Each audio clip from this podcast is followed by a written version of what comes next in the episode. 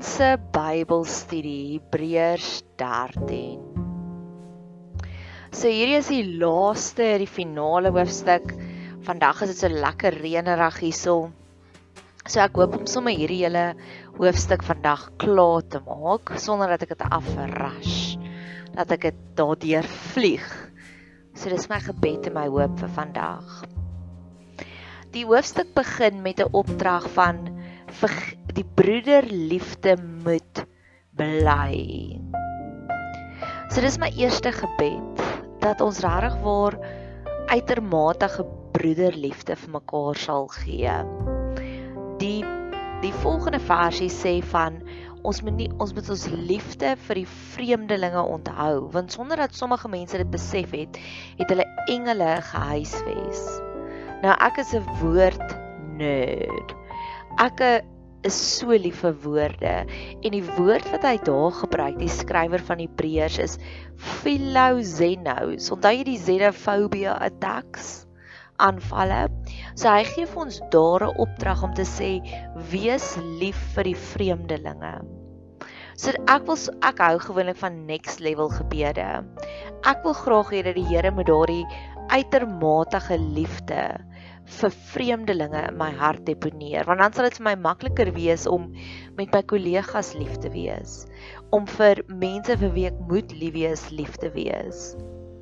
Ek het so 'n prentjie hierso van eksponensiële groei en dis wat ek wil bid vir myself eerste vir broederliefde maar ook vir almal rondom my. Mag die liefde wat jy vandag ontvang van mense meer wees as wat jy gister ontvang het eksponensiële groei werk so. Dis 'n ou wat dit 'n volksmite van iemand wat na die wat vir die koninge gunsie gedoen het duisende jare terug. En toe sê die koning, "Goed, hulle sal hom 'n lomp som geld betaal." Toe sê hy, "Nee, hy soek vandag een koringkorrel." En dan môre moet hy dit verdubbel, dan soek hy twee koringkorrels. En dan oormôre moet hy dit weer verdubbel, dan soek hy vier koringkorrels. En dis eksponensiële groei. Elke dag verdubbel dit. So dis die tipe liefde wat ek graag wil hê in my lewe. Dan die volgende versie is nogals 'n diep een. Dink aan die gevangenes asof jy 'n medegevangenes is en aan die wat mishandel word as mense wat self ook 'n liggaam het. So hoe ek hierdie stukkie geïnterpreteer het is daardie Simon Ye we are one. Ek wil graag daardie versie sien manifesteer in my lewe. Ek het eers gedink om 'n ander potgooi te maak van The world spins madly on. Ek weet nie of ken jy daai liedjie nie van The world just spins madly on want in die afgelope 2 weke het ek ek het Hebreërs 12 gebestudeer en daar praat die stukkie van jy het na hierdie nuwe bergte gekom met nuwe autoriteit met nuwe engele wat ons fees vier. So in my eie persoonlike lewe is ek op 'n verskriklike goeie emosionele plek tans.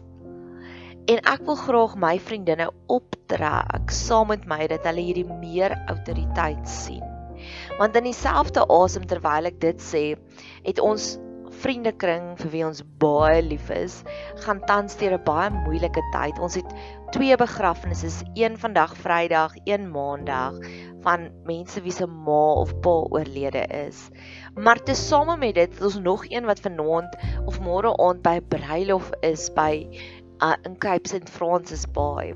So hierdie stukkie gee vir ons 'n dieper betekenis om te sê ons kan intap in mekaar se feesvieringe en ons kan ook mekaar se hartseer tye minder maak.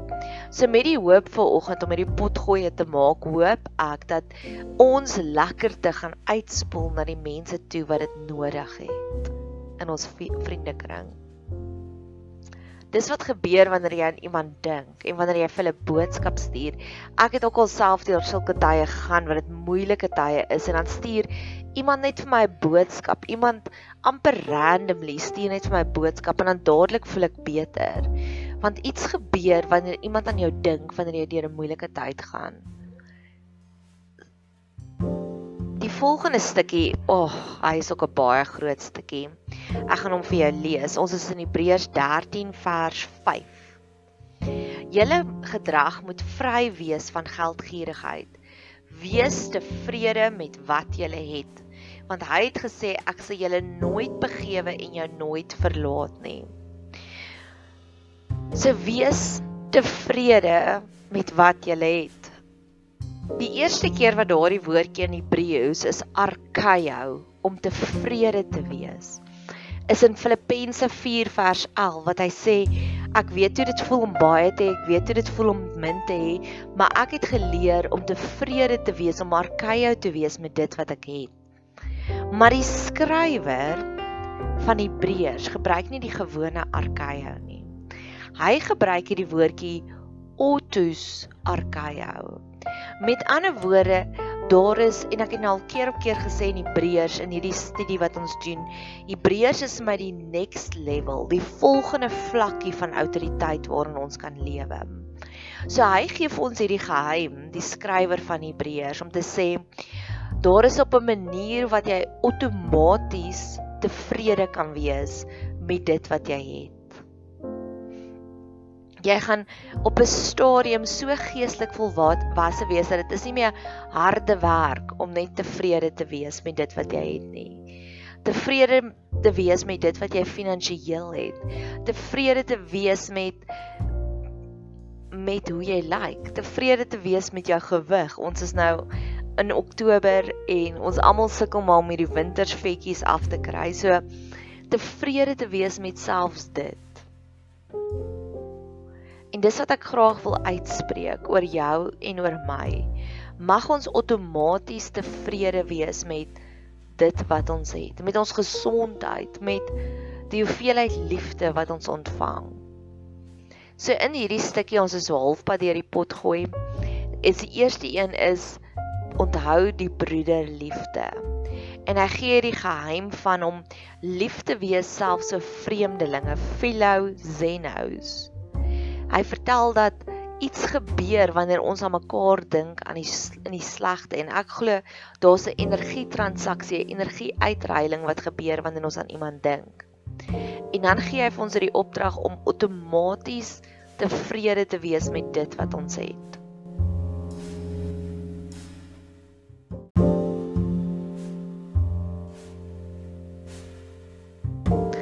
Dan die volgende opdrag wat die skrywer van Hebreërs vir ons gee is celebrate jou mentors.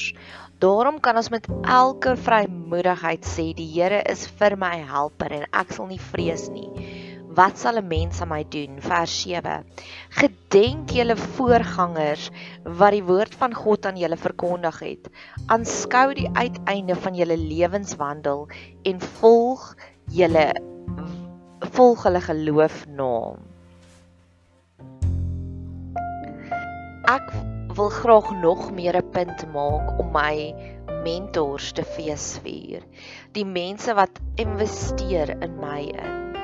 Ek het nou net 'n pragtige klankboodskap gekry van 'n vriendin af wat dankie sê vir ietsiekie wat ek doen om my manier om vir my vriendinne liefde te gee. En gewoonlik sal ek net aangaan want ek wil nie te hoogmoedig raak en te veel komplimente opsouk nie, maar in hierdie oomblik het ek gedink, nou gaan ek vir haar stuur, dankie. Dankie dat jy dankie sê vir die verslaggie wat ek skryf. En wanneer ek ook na my wanneer ek ook na my WhatsApp inbox kyk, gaan ek meer doelbewus kies om meer tyd aan my mentors te skenk want daar's twee verskillende mense. Daar's een mense wat van jou energie aftap en dan sal ander mense wat vir jou energie gee, wat in jou investeer. En van hier af vorentoe wil ek meer fokus op die mense wat vir my energie gee, wat vir my raad gee, wat vir my advies gee. In hierdie week het ek weer stil gestaan by iemand wat glad nie hoor wat ek al vir die afgelope jaar sê nie en in plaas van om te veel aandag daaraan te gee, gaan ek eerder kies. Ek glo ons kan hy sê hierso aanskou. Ons kan kies waarop ons dinge fokus want die dinge waarin jy aandag gee, die dinge waarop jy fokus, dis waartoe jou energie gaan vloei. So van hierdie punt af vorentoe kies ek om hierdie groei uit te leef, om meer aandag en tyd te gee, om my beste gedeelte van my tyd te gee vir die mense wat investeer in my in. Jou mentors te celebrate. Die volgende een is ook 'n groot een. Moenie rondgeslinger word deur allerlei en vreemde leerling leringe nie, want dit is goed dat die hart versterk word deur genade. Nie deur voedsel nie, waarvan die word waarin gewandel het geen voordeel gehad het nie. Ons hart word versterk deur genade. So mag ons daagliks, ek het nou onlangs 'n hele paar potgoeie gemaak op my Engelse kanaal en op hierdie kanaal van wat is die wat beteken dit om te sê ons is gees, siel en liggaam. En ons siel glo ek is ons hart. Dit is ons dryfkrag, dit is ons emosies. En ek wil dit graag voor die Here se voete gaan neerlê om te sê Here, gee asseblief vir my my daaglikse genade sodat my hart versterk kan wees sodat ek nog meer kan uitdeel vir ander sodat ek nog meer vir ander mense kan bid sodat ek nog meer potgoeie kan maak gee ons ons daaglikse genade sodat ons ons motors gaan volmaak met brandstof sodat ons nog verder kan ry so maak ons ons hartjie vol met die brandstof vir ons hartjie wat genade is Ek dink in besonder weer eens aan my vriendinne wat ouers afstaan in die dood tans. Mag hulle hart versterk word deur genade in hierdie stadium. En dan wil ek afsluit met hierdie volgende groot oomblik. Ons het 'n altaar waarvan die wat die tabernakel bedien het geen reg om te eet nie. So God het hierdie unieke altaar vir ons voorbeskik waarvan net ek en jy kan eet. In die begin van hierdie potgooi het ek gesê ek voel ek is op hierdie nuwe berg, maar ek voel ek is alleen hierso en dit is nie vir my lekker nie en ek probeer vir mense te vertel ek het hierdie nuwe autoriteit, maar hulle verstaan nie. En toe kom ek op hierdie stukkie af. Ons het hierdie altaar waar net ons van kan eet. Want wat beteken 'n altaar waarvan ons van kan eet? As ons moet teruggaan na Levitikus toe, waarop die groot gedeelte van Hebreërs geskryf is, wat gebeur het in daardie ou dae is die gewone volk het na die priester 'n bokkie gebring dan die priester hierdie bokkie geoffer en dan die persoon wat die bokkie gebring het weggestap en huis toe gegaan. Dan kon die priester en sy familie vir die res van die week van hierdie lekker bokkie vleis geëet het.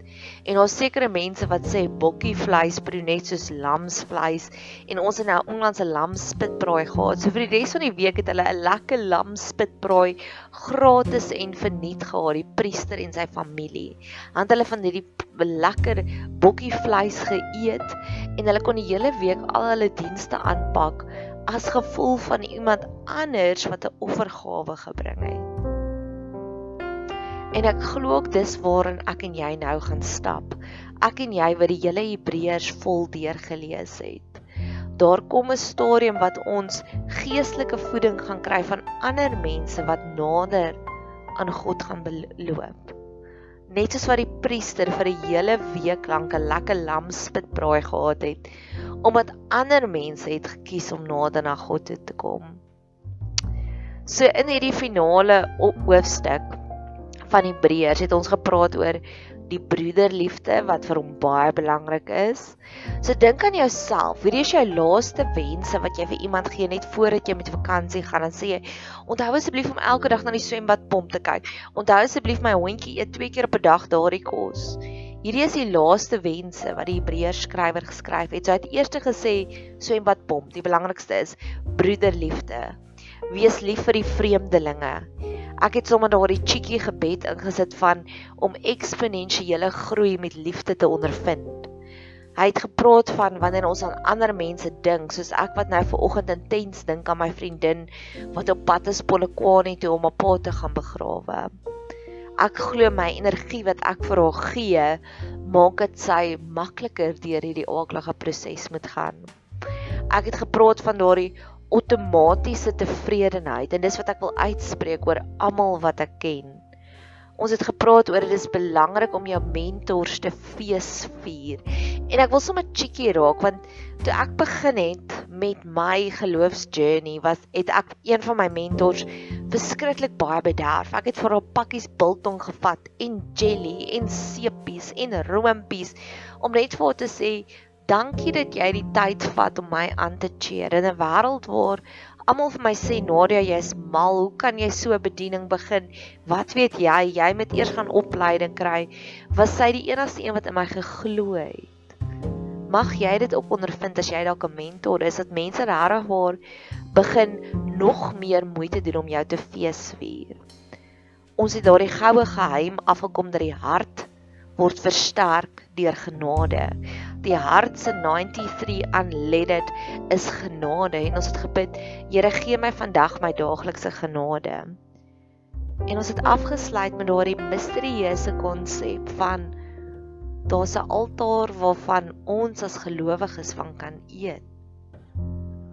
En as ek net kan terugkyk hoe die Here my op daardie reis gevat van jy het by hierdie nuwe berg aangekom met nuwe autoriteit en hoe ek fisies by 'n berg was 2 weke terug in Magua Sloof en hoe ek foto's skryf van mense wat nie eens 'n klou het dat ek so op die berg journey nie.